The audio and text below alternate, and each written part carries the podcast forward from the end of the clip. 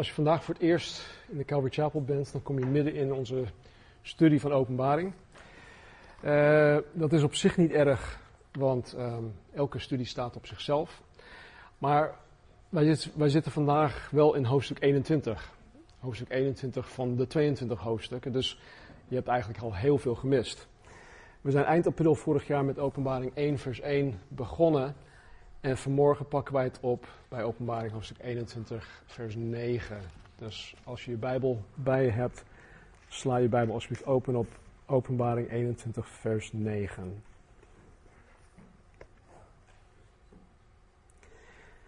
En een van de zeven engelen die de zeven schalen hadden, vol van de zeven laatste plagen, kwam naar mij toe. Johannes spreekt hier. En hij sprak met mij en zei: Kom, ik zal u de bruid, de vrouw van het lam, laten zien. En hij voerde mij weg in de geest op een grote en hoge berg en liet mij de grote stad zien, het heilige Jeruzalem dat neerdaalde uit de hemel bij God vandaan. Zij had de heerlijkheid van God en haar uitstraling was als een zeer kostbaar edelsteen, als een kristalheldere steen jaspis. Ze had een grote en hoge muur met twaalf poorten en bij die poorten twaalf engelen.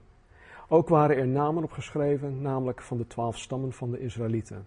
Drie poorten op het oosten, drie poorten op het noorden, drie poorten op het zuiden, drie poorten op het westen. En de muur van de stad had twaalf fundamenten met daarop de twaalf namen van de twaalf apostelen van het lam. En hij die met mij sprak, had een gouden meetlat om de stad op te meten en haar poorten en haar muur. En de stad lag daar als een vierkant. Haar lengte was even groot als haar breedte. En hij mat de stad met de meetlat op twaalfduizend stadien. Haar lengte, breedte en hoogte waren gelijk. En hij mat haar muur op 144 L, een mensenmaat die ook de maat van een engel is. En het bouwmateriaal van de muur was jaspis en de stad was zuiver goud, gelijk aan zuiver glas. De fundamenten van de muur van de stad waren met allerlei edelgesteenten versierd. Het eerste fundament was jaspis, het tweede saffier, het derde uh, galcedon, het vierde smaragd, het vijfde onyx, zesde sardius, zevende chrysoliet, achtste berel, het negende topaas, tiende chrysopraas, elfde hyacint, het twaalfde amethyst en de twaalf poorten waren twaalf parels. Elke poort apart bestond uit één parel. En de straat van de stad was zuiver goud, als doorzichtig glas. Ik zag, een, ik zag geen tempel in haar, want de Heer, de Almachtige God, is haar tempel en het Lam. En de stad heeft de zon en de maan niet nodig om haar te beschijnen, want de heerlijkheid van God verlicht haar. En het lam is haar lamp. En de naties die zalig worden, zullen in haar licht wandelen. En de koningen van de aarde brengen hun heerlijkheid en eer erin. En haar poorten zullen overdag nooit gesloten worden, want daar zal geen nacht zijn. En zij zullen de heerlijkheid en de eer van de naties daarin brengen. Al wat onrein is, zal er niet inkomen. En ook niemand die zich bezighoudt met gruwelen en leugens, maar alleen zij die geschreven zijn in het boek des levens van het Lam. Heel wat, heel stuk, maar we gaan er vrij snel doorheen. Wij zijn in onze reis door openbaring heen tot het einde van alles gekomen. Het einde van alles wat wij hier nu weten, wat wij, wat wij kennen. En je zou het kunnen zien als het einde van alles, maar ik zie het eerder als een totaal nieuw begin. Het is een totaal nieuw begin vanaf hoofdstuk 21. En in Genesis 1 spreekt de Bijbel over de schepping. De schepping van hemel en aarde. In Openbaring 21 spreekt de Bijbel van een nieuwe hemel en een nieuwe aarde. En vandaar dat ik dus ook zei dat vanaf Openbaring hoofdstuk 21 uh, eh, een heel geheel nieuw begin gaat komen. Nou, waar we het vanmorgen over gaan hebben, is het eind van het boek. Het einde van de Bijbel. En omdat God ons hiermee een, een, ja, een spoiler heeft gegeven, kunnen wij weten hoe het allemaal afloopt. Wij hebben inzicht gegeven tot hoe het in de toekomst af gaat lopen. Af gaat lopen voor de wereld zoals we dat kennen, maar ook hoe het verder zal lopen met, met, met, met ons. Dus dit is dus, uh, wat ik vorige week al, ook al zei, dit is de climax. Dit is waar de hemel en het verlost volk van God al duizenden jaren op zitten te wachten. Er staat in Romeinen dat de gehele schepping met rijkhalzend verlangen uitziet naar dit moment. En dit is waar de gehele Bijbel naartoe heeft gewerkt. Vanaf Genesis helemaal tot aan dit punt. En dit is ook, dit is ook heel belangrijk, dit is ook datgene dat mij en dat ons hoop geeft. Dit geeft ons hoop. En weet je, als je vanmorgen geen hoop hebt, of als je denkt dat uh, ja, je leven gewoon hopeloos is, uh, we hebben allemaal wel eens dat gevoel, dat idee, dan wil ik je nu vertellen dat wij weten hoe de volgeling van Jezus Christus er daadwerkelijk voor staat. En dat is hoopvol. De christen, de wedergeboren christen, is een hoopvol iemand. Wij hebben hoop. En het is niet eh, hoop in de zin van, nou joh, ik hoop maar dat het goed gaat komen. Nee, het is een zekere hoop. Het staat vast. En wij kunnen ons met heel ons hebben en houden, kunnen we daarop vertrouwen. Er is dus hoop. Er is hoop voor de christen.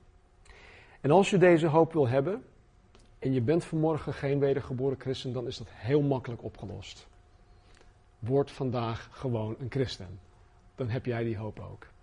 Nou, we bevinden ons in de tijdlijn van openbaring uh, na het duizendjarig vrederijk van Christus. En even kijken hoor. Ik moet hem even erbij pakken.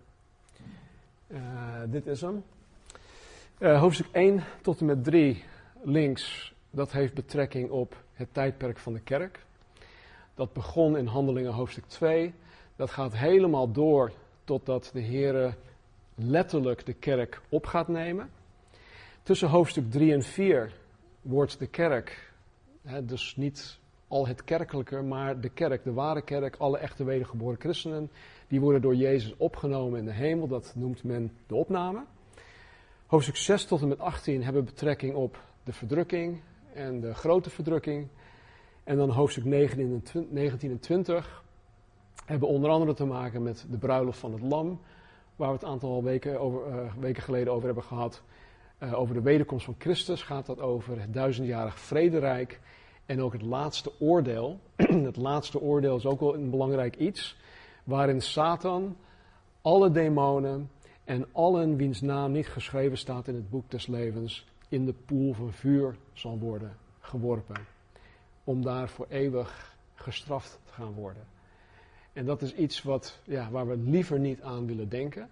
Maar het is goed om dat onder ogen te zien, want dat hoort ons te bewegen om wat, uh, wat uh, Brandon vanmorgen ook zei, om te doen wat God van ons vraagt. In onze eigen leefomgeving.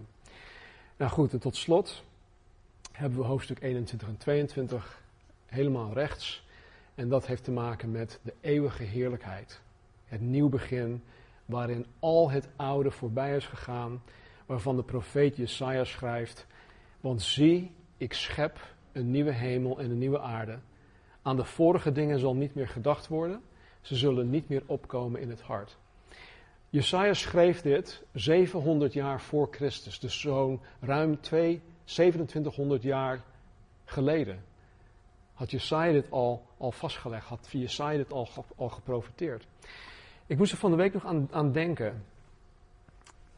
Hier staat dus dat, uh, en dat staat trouwens ook in, uh, in uh, Openbaring 21, aan de vorige dingen zal niet meer gedacht worden, ze zullen niet meer opkomen in het hart. Het is alsof God onze, onze harde schijf van ons geheugen helemaal wist. En aan de ene kant vind ik dat hartstikke prettig, vooral dan, denk ik. Maar als ik er nu bij stilsta, dan is dat een hele rare gewaarwording. Want, want, want het, het heeft dit als gevolg. Degene waarvan jullie houden, jullie geliefden, die niet gered zijn, die er uiteindelijk niet voor gaan kiezen om Jezus Christus na te gaan volgen, zullen belanden in wat de Bijbel de poel van vuur noemt, de hel, waar ze voor eeuwig en eeuwig en eeuwig gestraft gaan worden. De straf, ik denk, wat een onderdeel van die straf zal zijn, is dat zij heel veel spijt zullen hebben dat zij die keus nooit hebben gemaakt. En ik geloof ook dat een onderdeel van die straf zal zijn dat zij dus ook voor eeuwig zullen gaan denken van, had ik maar naar die en die geluisterd, had ik maar naar Laura geluisterd, had ik maar naar, naar Roos geluisterd, had ik maar naar Peter geluisterd. Ik weet niet hoe het met jullie zit, maar als ik spijt van iets heb, dan, man, dat, dat, dat vreet aan mij. En ik kan me daar niks bij voorstellen dat dat gewoon voor eeuwig en eeuwig en eeuwig onophoudelijk zo door zal gaan. Dat is één kant van de medaille. De andere kant van de medaille, voor degenen die wel geloven, staat: aan de vorige dingen zal niet meer gedacht worden, ze zullen niet meer opkomen in het hart. Met andere woorden, ik zal daar totaal geen benul meer van hebben van wie, wie nu verloren is gegaan. Want stel je voor dat wij daar wel aan gaan denken, dan is dat toch geen heerlijkheid, dan is dat toch geen hemel meer. Weet je, en, en, en dat vind ik nu zo, zo lastig om dat, om dat te verwerken van, man, hoe. En, en het beweegt me eigenlijk om juist meer met mijn geliefde over de waarheid van Jezus Christus te hebben. Afgelopen zondag hebben we in de eerste acht versen gezien dat God een nieuwe hemel en een nieuwe aarde gaat maken. We zagen dat de heilige stad, het Nieuwe Jeruzalem, neerdaalt hè, vanuit, uh, van God uit de hemel. En we hebben afgelopen zondag niet veel aandacht uh, hieraan besteed. Dus uh, we gaan vanmorgen het Nieuwe Jeruzalem iets, van iets dichterbij gaan, bekijken. Maar wat ik vorige week ook al zei, is dat het onmogelijk is om met ons beperkt verstand en beperkt geestelijk inzicht een juiste voorstelling te kunnen krijgen van hoe rijk en hoe mooi en hoe, en hoe geweldig het hemels leven zal zijn. We zullen daar geen volledige voorstelling van kunnen krijgen. Um, laten we lezen, hoofdstuk uh, eh, 21, vers 9 en 10. Een van de zeven engelen die, die de zeven schalen hadden, vol van de zeven laatste plagen, kwam naar mij toe en hij sprak met mij en zei: Kom, ik zal u de bruid, de vrouw van het lam, laten zien. En hij voerde me weg in de geest en op een grote berg, sorry, en hoge berg. En liet mij de grote stad zien. Het heilige Jeruzalem dat neerdaalde uit de hemel bij God vandaan. Het valt mij in ieder geval op dat deze engel een van de zeven engelen is die Gods toorn uitgoot over de grote hoer, de stad Babylon. Daar hebben we het een aantal maanden over uh, geleden over gehad. Want hier is het dezelfde engel die dan de schitterende bruid, de vrouw van het lam, Jezus Christus, aan Johannes laat zien. En ik zag daarin zo'n gigantisch groot contrast. Dezelfde engel die, die, die giet Gods toorn over de grote hoer Babylon, zoals het in de Bijbel genoemd wordt. En dezelfde engel zegt: Kom Johannes, ik wil iets laten zien. En hij laat het nieuw Jeruzalem aan, aan Johannes zien. En hij zegt: ik laat, je, um, ik, ik laat je de bruid zien, de vrouw van het lam. En ik denk dat Johannes op dit moment misschien verwachtte een, een bruid te zien. Maar de engel nam Johannes mee in een visioen. En wat doet hij? Hij laat Johannes de grote stad zien, het Nieuw Jeruzalem. De engel nodigt Johannes uit om de bruid te gaan zien, maar, maar dan krijgt hij het Nieuw Jeruzalem te zien. Nou, ik geloof niet dat de bruid van Christus en het Nieuw Jeruzalem één en dezelfde zijn. Sommigen geloven dat wel, maar ik geloof dat niet. Ik geloof dat het Nieuw Jeruzalem gekarakteriseerd wordt door haar inwoners. Door de bruid van Christus. En het is eigenlijk hetzelfde als um, Korinthe uit de Bijbel. Um, Korinthe stond bekend voor bepaalde dingen. Efeze stond bekend voor bepaalde dingen. Uh, Amsterdam staat bekend voor, voor bepaalde dingen. Rotterdam staat bekend voor bepaalde dingen. En het is niet dat zij bepaald of, of, of uh, bekend zijn omdat, om de gebouwen of om weet je, de, de, de, de plattegronden enzovoort, enzovoort. Nee, ze staan bekend door haar inwoners. Dat karakteriseert de stad. En zo denk ik dat dat ook hier het geval is. In deze context wordt de bruid van Christus dus, dus gevormd. Um, of de mensen die de bruid van Christus in dit geval opmaken, uh, zijn alle verloste mensen. vanuit de gehele menselijke geschiedenis. Dus niet alleen de kerk, niet alleen het lichaam van Jezus Christus. Vers 11. Zij had de heerlijkheid van God en haar uitstraling was als een zeer kostbare edelsteen. Als een kristalheldere steen jaspers. Ze had een grote en hoge muur met twaalf poorten en bij de poorten twaalf engelen. Ook waren er namen opgeschreven, namelijk van de twaalf stammen van de Israëlieten. Drie poorten op het oosten, het noorden, het zuiden en het westen. Nou, de stad staat hier, staat hier, de stad straalde met de heerlijkheid van God. En weet je, je moet je in, in de, schoenen van, van de plaats van Johannes uh, proberen te, te, te, plaatsen.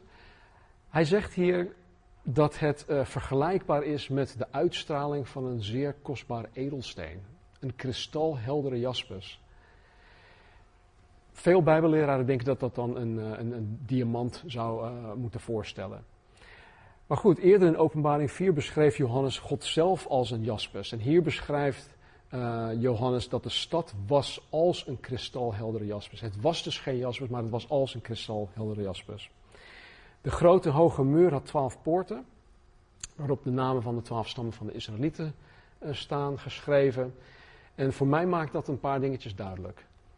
Eén is dit: dat de zogenaamde tien verloren stammen, hè, waar, mensen het over, waar mensen het over hebben, dat die tien verloren stammen helemaal niet verloren zijn. want God weet, weet kennelijk precies waar ze zijn. Twee, het tweede is, is dat Gods plan met Israël niet geëindigd is toen de kerk tot stand was gebracht. En zoals uh, de vervangingsleeraanhangers dat beweren. De vervangingsleeraanhangers beweren dat wij, wij de kerk de plaats van Israël uh, ingenomen hebben. Maar als je Romeinen 9 tot en met 11 goed leest, dan zegt Paulus heel duidelijk: nee, God is nog niet klaar met Israël. God heeft nog een plan, maar dat komt later. En we hebben gezien tijdens de grote verdrukking, de periode van zeven jaar, dat is Gods uitwerking van zijn plan met Israël.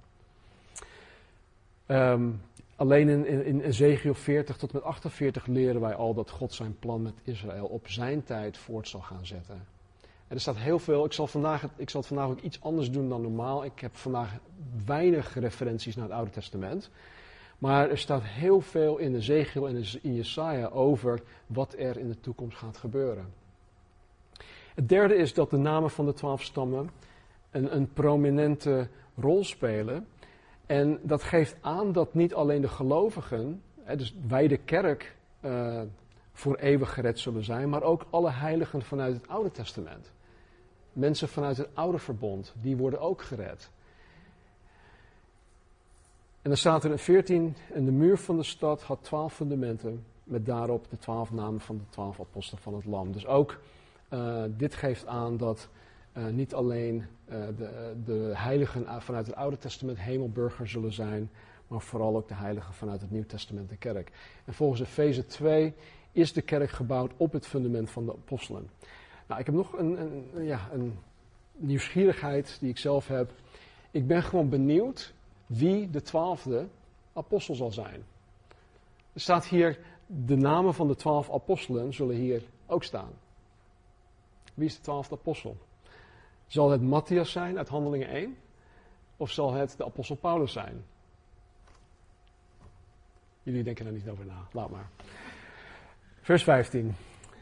En hij die met mij sprak, had een gouden meetlat om de stad op te meten, en haar poorten en haar muur.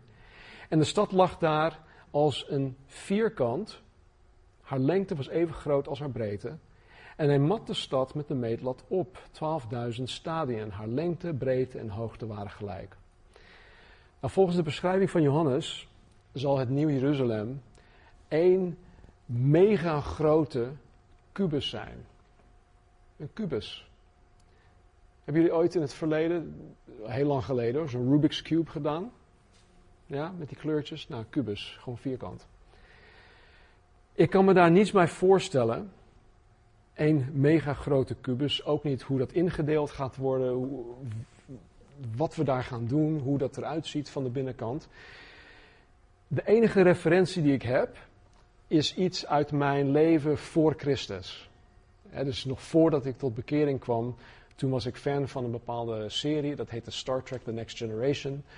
En ehm, daarin hadden ze iets dergelijks. En ik denk zelfs dat zij dat misschien vanuit de Bijbel hebben genomen, gekaapt en dan daar iets van gemaakt hebben. Goed, uit Star Trek The Next Generation ehm, staat iets, of is, is, is iets bekend, en dat heet dan de Borg Cube. En ik weet niet of jullie dat. Ehm, ja, dat is hem. Ik zeg niet dat dat het zal zijn, hè, voor alle duidelijkheid. Het Nieuw Jeruzalem zal niet de Borg Cube zijn, voor alle duidelijkheid. Maar dat is het enige de enige referentie die ik, die ik heb. Hoe het er eventueel uit zou gaan zien. Maar goed, de afmetingen zijn voor, voor ons beperkt verstand gewoon onvoorstelbaar. Onvoorstelbaar. Er staat dat het 12.000 stadien groot zal zijn. 12.000 stadien breed, hoog en, en, en lang. Nou, één stadion is 192 meter. 12.000 stadien is vergelijkbaar aan ongeveer 2304 kilometer.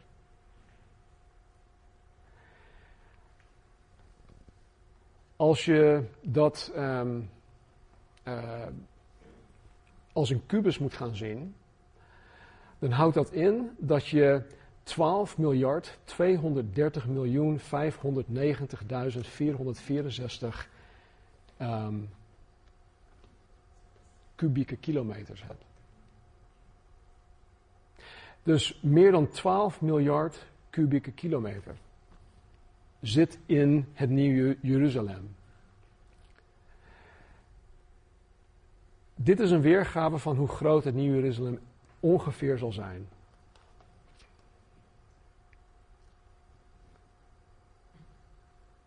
Is dat te zien of niet? Ja. is toch onvoorstelbaar? Nogmaals, we, we weten niet hoe het er precies uit zal gaan zien. Hoe het zal werken. Maar het zal in ieder geval groot genoeg zijn om ons voldoende ruimte te bieden. Er is een zekere uh, dokter die heel veel boeken heeft geschreven, een, uh, een wetenschapper, die heet uh, Dr. Henry Morris. En die heeft ooit een berekening losgelaten op de bevolking vanaf, zeg maar, vanaf de tijd van Adam tot, um, ik denk ergens rond het jaar 2000. En aan de hand van de berekening, aan de hand van uh, aantal uh, ja, uh, percentages en, en, en, hoe noem je dat? Um, waarvan hij dacht, nou, zo'n zo percentage zal, zal waarschijnlijk door de jaren heen, door de eeuwen heen, door de millennia heen gered, gered worden. Dus mocht, het, mocht dit in 2000, um, ehm, jaar 2000 gebeuren, dan zal ieder persoon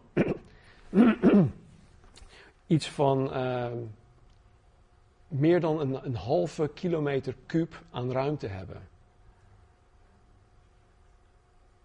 Dat is best wel veel. Ik zit, ik zit als ik naar ons rijtjeshuis kijk, we zitten echt een hutje-mutje op elkaar. We hebben een, een, kleine woning van, ik weet niet hoeveel kuub we hebben, maar goed. Ik voel me soms echt alsof ik cabin fever krijg. Dan moet ik gewoon het huis uit. Maar daar zal je dus gewoon veel meer ruimte krijgen. Anyway. Hij mat haar muur op, vers 17, 144 L, een mensenmaat die ook de maat van een engel is. Nou, betekent gewoon dat dat een standaardmaat is, zowel in de hemelse gewesten als ook hier. Dus als het een centimeter hier is, dan is het voor hun ook een centimeter. En de meeste conservatieve bijbel, bijbelleraren verklaren dat de engel hier niet de hoogte van de muur meet, opmeet, maar de dikte van de muur. Want ja, wat is een muur van 144 L om een stad van 2304 kilometer hoog? Dat slaat nergens op. Weet je dus, uh, de muur uh, geloven velen dat, um, dat uh, de engel de dikte van de muur meet en dat is dan 70 meter dik. 70 meter dik. Vers 18. In het bouwmateriaal van de muur was jaspis en de stad was zuiver goud, gelijk aan zuiver glas. De fundamenten van de muur van de stad waren met allerlei edelgesteenten versierd. Het eerste fundament was jaspis, het tweede saffier, derde chalcedon, nou, al die dingen. En dan staat er, uh, en de twaalf poorten waren twaalf parels. Elke poort apart bestond uit één parel. Nou, ik kan me niet voorstellen hoe groot die oester moest zijn geweest. Nee, dat is natuurlijk iets dat God zelf heeft gemaakt. Er was geen oester bij betrokken. Maar gewoon één geheel. Parel. En ik denk, ik denk dat God ons hier wil laten zien dat Hij het allerbeste, het allermooiste voor ons in petto heeft. Het is alsof God nu een beetje aan het pronken is van kijk wat ik jullie wil geven, mensen. Het allermooiste. We hoeven nooit meer jaloers te zijn op uh, anderen die een veel mooier en groter huis hebben dan wij. Ik weet niet of jullie dat wel eens doen. Hè? Toen we in de States woonden, gingen we wel eens uh, naar Beverly Hills toe of andere plekken in Los Angeles. En dan gingen we gewoon naar die prachtige, mooie, grote huizen kijken. En dan dromen van, oh, uh, ooit zal ik misschien zo'n huis kunnen bemachtigen.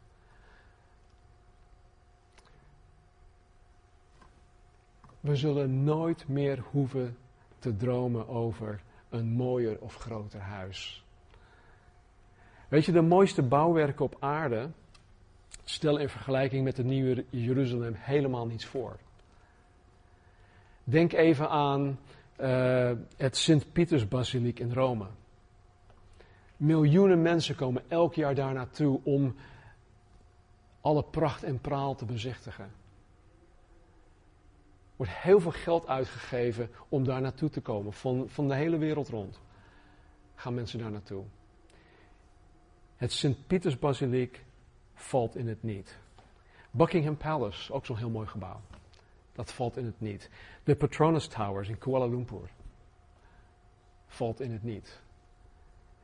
En dan heb je ook nog um, dat grote, het, het, grootste, eh, hoogste gebouw in uh, Dubai. De, de, de Burj Khalifa, denk ik, heet dat. Met haar 100, nee, 830 meter uh, hoogte, 160 verdiepingen. Dat valt allemaal in het niet in vergelijking met het nieuwe Jeruzalem. En dan zegt Johannes: Ik zag geen tempel in haar. Want de Heere, de Almachtige God, is haar tempel en het lam.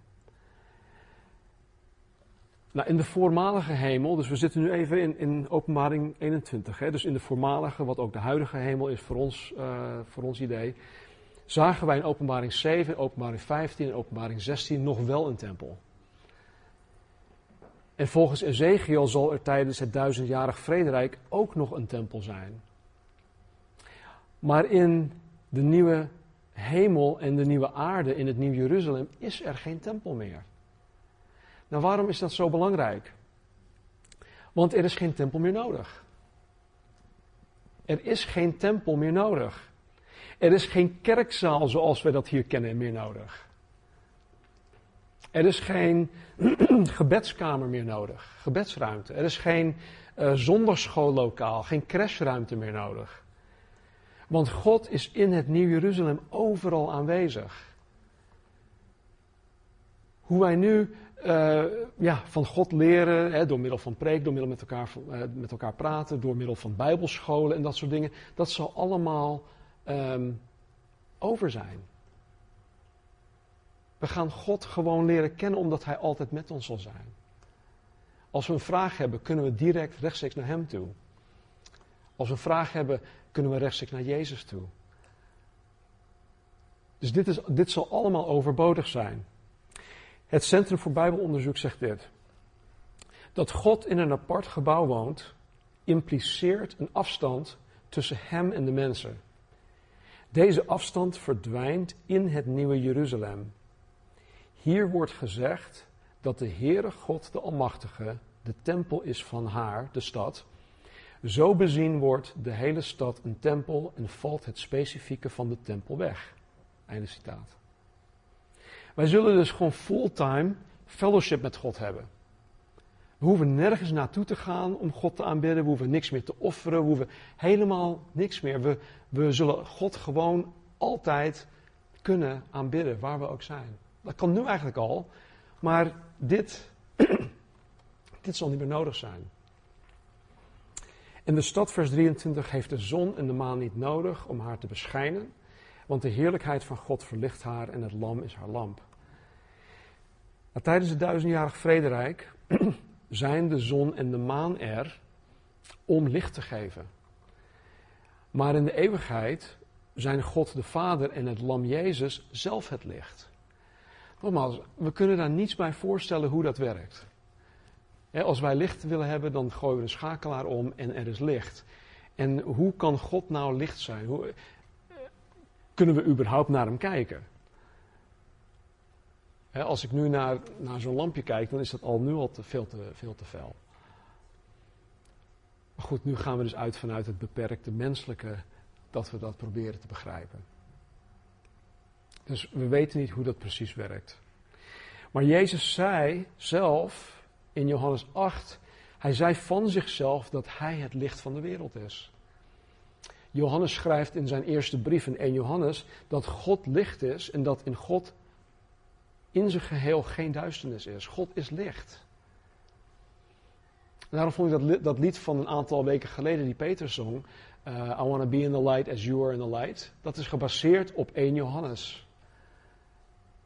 En er zal een moment aanbreken, openbaring 21, wanneer wij voor altijd in dat licht zullen, zullen verblijven. En de naties die zalig worden, zullen in haar licht wandelen. Nou, ik heb het net gezegd. En de koningen van de aarde brengen hun heerlijkheid en eer erin. Als wij over naties uh, spreken of als we aan de naties denken, dan denken we vaak aan, aan landen, aan regeringen, aan, aan mensengroepen, bevolkingsgroepen. Maar het betekent, uh, het betekent volkeren, het betekent letterlijk heidenen, oftewel niet Joden. De Bijbel heeft het hier dus gewoon over mensen, over, over ons. Gewone mensen. Wij dan die zalig worden, die gered zijn, zullen in het licht van God wandelen. Niets en niemand zal meer in het, of niets zal meer in de duisternis gebeuren. Want er zal geen enkel moment van duisternis zijn. Er zal niks meer van duisternis zijn. Duisternis is, is in the past, het is in het verleden. Maar er staat hier iets wat, wat best wel, uh, vond ik ook wel interessant. De koningen van de aarde en ook de overige volken van vers 26 brengen hun heerlijkheid en eer de stad in. Ze brengen hun heerlijkheid en eer de stad in. Wat wil zeggen dat zij hun aardse positie, denk ik, hun aardse positie, hun status en hun prestaties in gaan leveren. Met andere woorden, in de eeuwigheid zal iedereen gelijk zijn. We zullen tegen niemand opkijken van, oh man, wat heeft die dit, wat heeft die dat, oh wat is dat een geweldige dit of die of dat. Nee, de enige waar wij tegenop zullen gaan kijken is God de Vader en Jezus Christus. Zij zijn de enige die wij nog zullen aanbidden. Dus er zullen geen um, helden meer zijn onder het mensenvolk. Stel dat uh, een Michael Jordan, Mike, uh, daar komt te zijn. Dan zou je niet zeggen, oh man, ik, ik ga met Michael Jordan lunchen. Oeh. Nee, hij gaat zijn eer en zijn glorie en zijn heerlijkheid inleveren. En dan zullen we allemaal op gelijke voet staan. En haar poorten zullen overdag nooit gesloten worden, want daar zal geen nacht zijn. Ze zullen de heerlijkheid en de eer van de naties daarin brengen. Weet je, dit, dit, dit heeft um, in ja, de tijd dat uh, Johannes het schreef, heeft veel meer betekenis dan dat het nu heeft. Uh, want in Bijbeltijden tijden gingen de stadspoorten s'nachts altijd dicht. Een beetje vergelijkbaar met hoe wij nu onze, onze voor- en achterdeur op de grendel doen. Om, uh, ja, om ons huis veilig te stellen. Maar in die, in die tijd gingen, de, gingen s'nachts de, de stadspoorten dicht. Om zo de, de stad te beschermen tegen ja, inbraak of invloed van buitenaf of tegen haar vijanden. Maar omdat er in de eeuwigheid sowieso geen nacht zal zijn, zullen de twaalf poorten in de muur nooit gesloten worden. Waarom niet? Omdat er absoluut geen bedreiging zal zijn. Het is niet nodig. De deur staat altijd open. Weet je, ik denk dat we allemaal wel weten wat het is om voor een gesloten deur te staan. Gisteren of eergisteren, nee, donderdag was dat. Um, André die was bij ons. en uh, we hebben onlangs onze boom afgekapt. Dus ik ging met André mee naar buiten. Marnie was nog binnen. En ik uh, liet hem zien van ja, nee, dit is de boom die we afgekapt hebben. De, het moet er nog uitgetrokken worden enzovoort. En ineens uh, hoor ik Marnie naast me staan en ik hoor die deur dichtklappen. En wat gebeurde er? Er was Amy of Elijah, een van onze Amy. Amy die zat dan nog in haar kinderstoel in, in de woonkamer en geen van ons hadden een, een sleutel. Wij stonden dus letterlijk voor een gesloten deur. Konden ons, wij konden ons eigen huis niet meer, niet, niet, niet meer in. En uh, onze overbuurman die zei, uh, ah joh, geen probleem, ik pak wel even een hangertje. dus uh, nou, binnen, binnen nog geen minuut waren we weer het huis binnen. Maar het is gewoon vervelend om buiten, buiten gesloten te zijn. Maar straks zal de deur altijd voor ons openstaan. Wij kunnen gewoon altijd de stad in en uitgaan. Dat is ook weer iets. We zullen dus niet, niet opgesloten zijn in die kubus. We zullen de stad in en uit kunnen gaan. Daar zijn die poorten voor. En waar we naartoe gaan, ja, dat, dat, dat weet ik niet. Dat staat er ook niet. Maar weet je, Jezus, die kon gewoon verschijnen na zijn opstanding in zijn verheerlijk lichaam. De discipelen die zaten achter slot en grendel in een, in een ruimte ergens. En ineens, boem, Jezus verscheen. Peace, zei hij. Hebben jullie nog wat te eten voor mij? Weet je, dus in, ons, in ons verheerlijk lichaam, in ons hemels lichaam, zullen wij allerlei dingen kunnen doen wat wij op dit moment gewoon niet voor mogelijk houden. Dat is ook weer zo'n reden waar, waarom ik er erg naar uitzie om dat mee te maken. ik hou sowieso van snelheid, ik hou van dat soort dingen. En ja, het zou gewoon gaaf zijn om uh, ja, Marnie dan te laten schrikken van ineens ben je er, weet je. Al wat onrein is, zal er niet inkomen. Halleluja. En ook niemand die zich bezighoudt met gruwelen en leugens, maar alleen zij die geschreven zijn in het boek des levens van het Lam. Weet je, in het Nieuw Jeruzalem, wat in de volksmond ook de hemel genoemd wordt, zullen er alleen maar mensen zijn die daar ook echt willen zijn. En dat is op zich al heerlijk om met dat soort mensen om te kunnen gaan. Mensen die er gewoon echt, echt bij willen zijn, die erbij willen horen. We zullen niemand aantreffen die daar rondloopt met een lang gezicht, hè, omdat hij of zij zich verveelt. Weet je, dat heb je zo vaak. Hè, met als, ik weet niet, jullie die tieners hebben, of die gaan tieners gaan krijgen. Je gaat ergens op bezoek en dan neem je je tieners met je mee. En ja hoor, zo'n lang gezicht, want ze hebben het niet naar, naar hun zin. Wanneer gaan we nou naar huis? Ik verveel me. Nou, tieners zijn daar gewoon meesterlijk in. Maar we zullen daar dus niemand aantreffen die daar rondloopt met een lang gezicht, omdat ze zich vervelen of dat ze liever ergens anders willen zijn. Nee, er zullen alleen maar super gemotiveerde en laaiend enthousiaste mensen zijn. Heerlijk is dat. Het is ook aanstekelijk. De mensen waarmee wij voor eeuwig op zullen gaan trekken, zullen mensen van het allerhoogste kaliber zijn. En dit zijn mensen wiens naam geschreven staat in het boek des levens van het Lam. En zoals we afgelopen zondag hebben gezien, zal niets van de ellende van dit leven hier op aarde in de, in de eeuwigheid aanwezig zijn. Dat gaat gewoon niet mee. Daar is geen plaats voor. Niemand zal zich bezighouden met de gruweldaden van onze dag. Geen pedofilie, geen uh, seksueel misbruik, geen mensenhandel, geen verkrachting, geen, geen enkel zedendelict zal zich in de hemel voordoen. Dat is toch niet voor te stellen? En het zal niet eens in onze gedachten opkomen. Want Jezaja zegt, aan de vorige dingen zal niet meer gedacht worden. Ze zullen niet meer opkomen in het hart.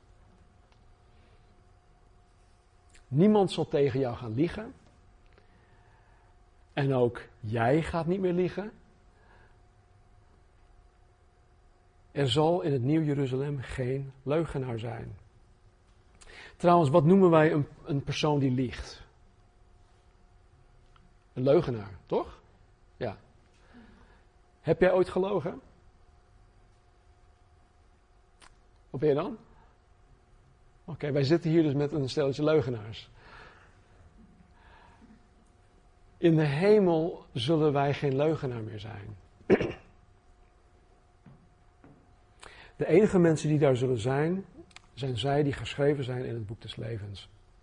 de handvraag van vanmorgen, daar sluit ik ook mee af, is dus dit. Staat jouw naam geschreven in het boek des levens op basis van jouw geloof in Jezus Christus? Er zijn mensen, en dat zie ik heel vaak op Facebook. Er zijn mensen die geloven dat zij naar de hemel toe gaan, of dat een geliefde naar de hemel toe gaat, omdat zij een warm gevoel daarbij hebben. Het sentiment is op zich niet verkeerd, maar het is nergens op gefundeerd. Rest in peace, zeggen ze tegen, nou, wie dan ook. Ik denk niet dat dat uh, de waarheid is. Ik denk dat het heel anders gaat uitpakken voor sommige mensen. En weet je, hoe kunnen wij nou wel zeker zijn dat ons naam opgeschreven staat in het boek des levens?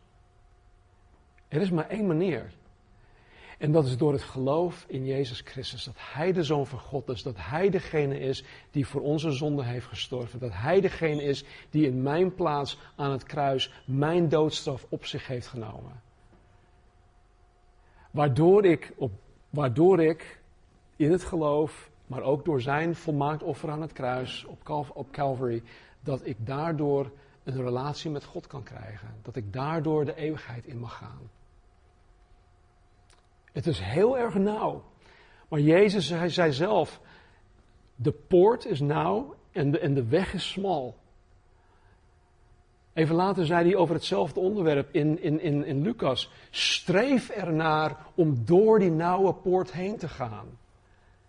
Met andere woorden, je moet er echt voor knokken om dat vol te kunnen blijven houden. Het is niet voor de lafhartigen. Het is niet voor mensen die geen ruggengraat hebben. Mensen zeggen vaak, mensen in de wereld zeggen vaak, weet je, het christendom is voor zwakke mensen. Mensen die, die een kruk nodig hebben om waarop, waarop, waarop, waarop ze kunnen leunen. Ja, ze hebben helemaal gelijk. Wij zijn zwak, maar wij geven het toe en wij leunen en steunen op het volbracht werk van Jezus Christus. En tegelijkertijd heb je ruggengraat nodig om een christen te zijn.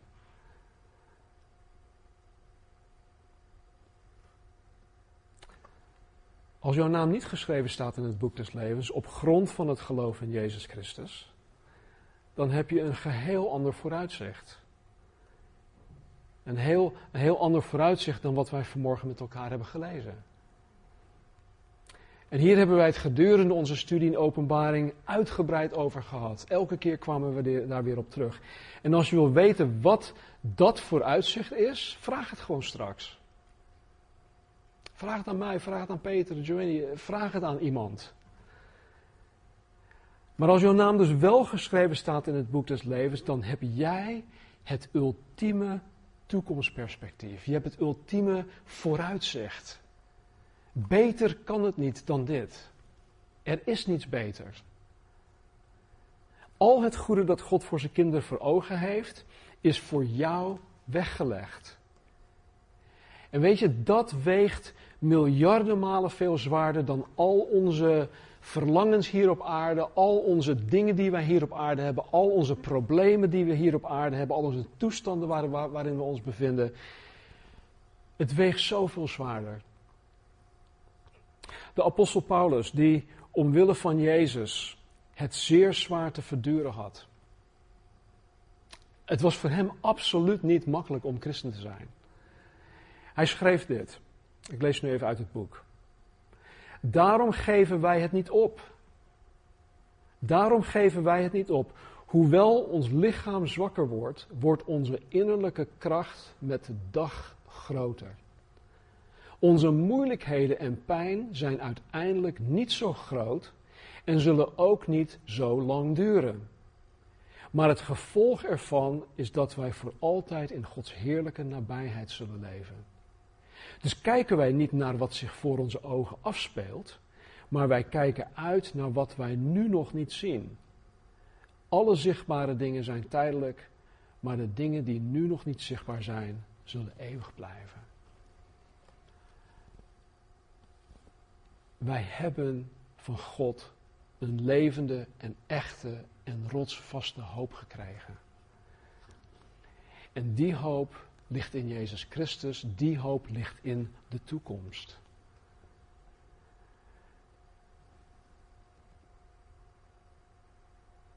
Voor jullie die ik mijn broers en zussen in Christus mag noemen, zal God zijn allerbeste voor het laatst bewaren. Zoals we het in Engels zeggen, the best is yet to come. En dat geeft mij hoop. In, ik denk dat het in, um, in Spreuken of uh, hoe heet die andere? Ecclesiastes, um, prediker. Ecclesiastes, ja, prediker. Staat dat het leven uh, een vapor is, een damp is. Het is zo voorbij. Nou, ik moet dat het heel snel gaat. En weet je, alles waar we mee te maken hebben in het leven. Ik, ik wil niets bagatelliseren. Ik weet dat we heel veel pijn en leed hebben in het leven. Maar weet je, Paulus zegt het. De Bijbel leert het ons. Alles waarmee we hier te maken hebben is niets in vergelijking met de glorie die God voor ons voor ogen heeft. En de glorie in, in het Hebreeuws betekent um, zwaarte. Het, het betekent gewicht. Dus het, dus het gewicht dat God voor ons voor ogen heeft, weegt veel zwaarder dan alles waar wij hier in dit leven mee te maken krijgen. Hoe erg het ook is. Wij hebben hoop. Laten we bidden. Hemelse Vader, dank u wel dat u ons hoop geeft. Dank u wel dat u zo ver gegaan bent om uw zoon aan ons te geven. Dank u Jezus dat u zelf zo ver gegaan bent om uw heerlijkheid af te leggen, om die geweldige verblijfplaats van de hemel achter u te laten, Heer, om een, een kwetsbaar mens te worden voor ons. Dat u het, het eeuwige woord vlees geworden bent, dat u onder ons getabernakeld heeft, dat u onder ons gewoond heeft, Heer, zodat wij door uw leven kunnen zien hoe God is, hoe God in elkaar zit. Want u heeft God aan ons geopenbaard. En Heer, ik bid dat uw Heilige Geest, Jezus Christus, aan ieder van ons vanmorgen, zelfs op dit moment, Jezus Christus aan ons zal openbaren. Geef ons, Heer, geef ons hoop. Doe iets met ons perspectief, met hoe wij in het leven staan, in hoe wij het leven zien. Verander daar iets in, zodat wij echt uh, zullen rusten op de hoop die u ons geeft. Help ons om, uh, zoals Paulus ook zegt, om de dingen te bedenken die boven zijn, niet de dingen die hier op aarde zijn. Dus Heer, doe vanmorgen een geweldig werk in ons denken, in onze harten. Open onze ogen, Heer, voor het geweldige wat u voor ons voor ogen heeft. Open onze ogen voor de waarheid over wie Jezus Christus is. En wie Hij voor ons wil zijn. Dus zegen ons. Geef ons eh, deze week ook een, echt een geweldige week. Geef ons de gelegenheid om iets van U met iemand te mogen vertellen. Trek ons naar U toe. Snoei ons van de dingen die niet vruchtbaar zijn, zodat we meer vrucht zullen gaan dragen in ons leven. En doe, Vader, boven wat wij kunnen bidden of beseffen. Omwille van uw naam, alleen voor uw glorie. Dat vragen we in Jezus' naam. Amen.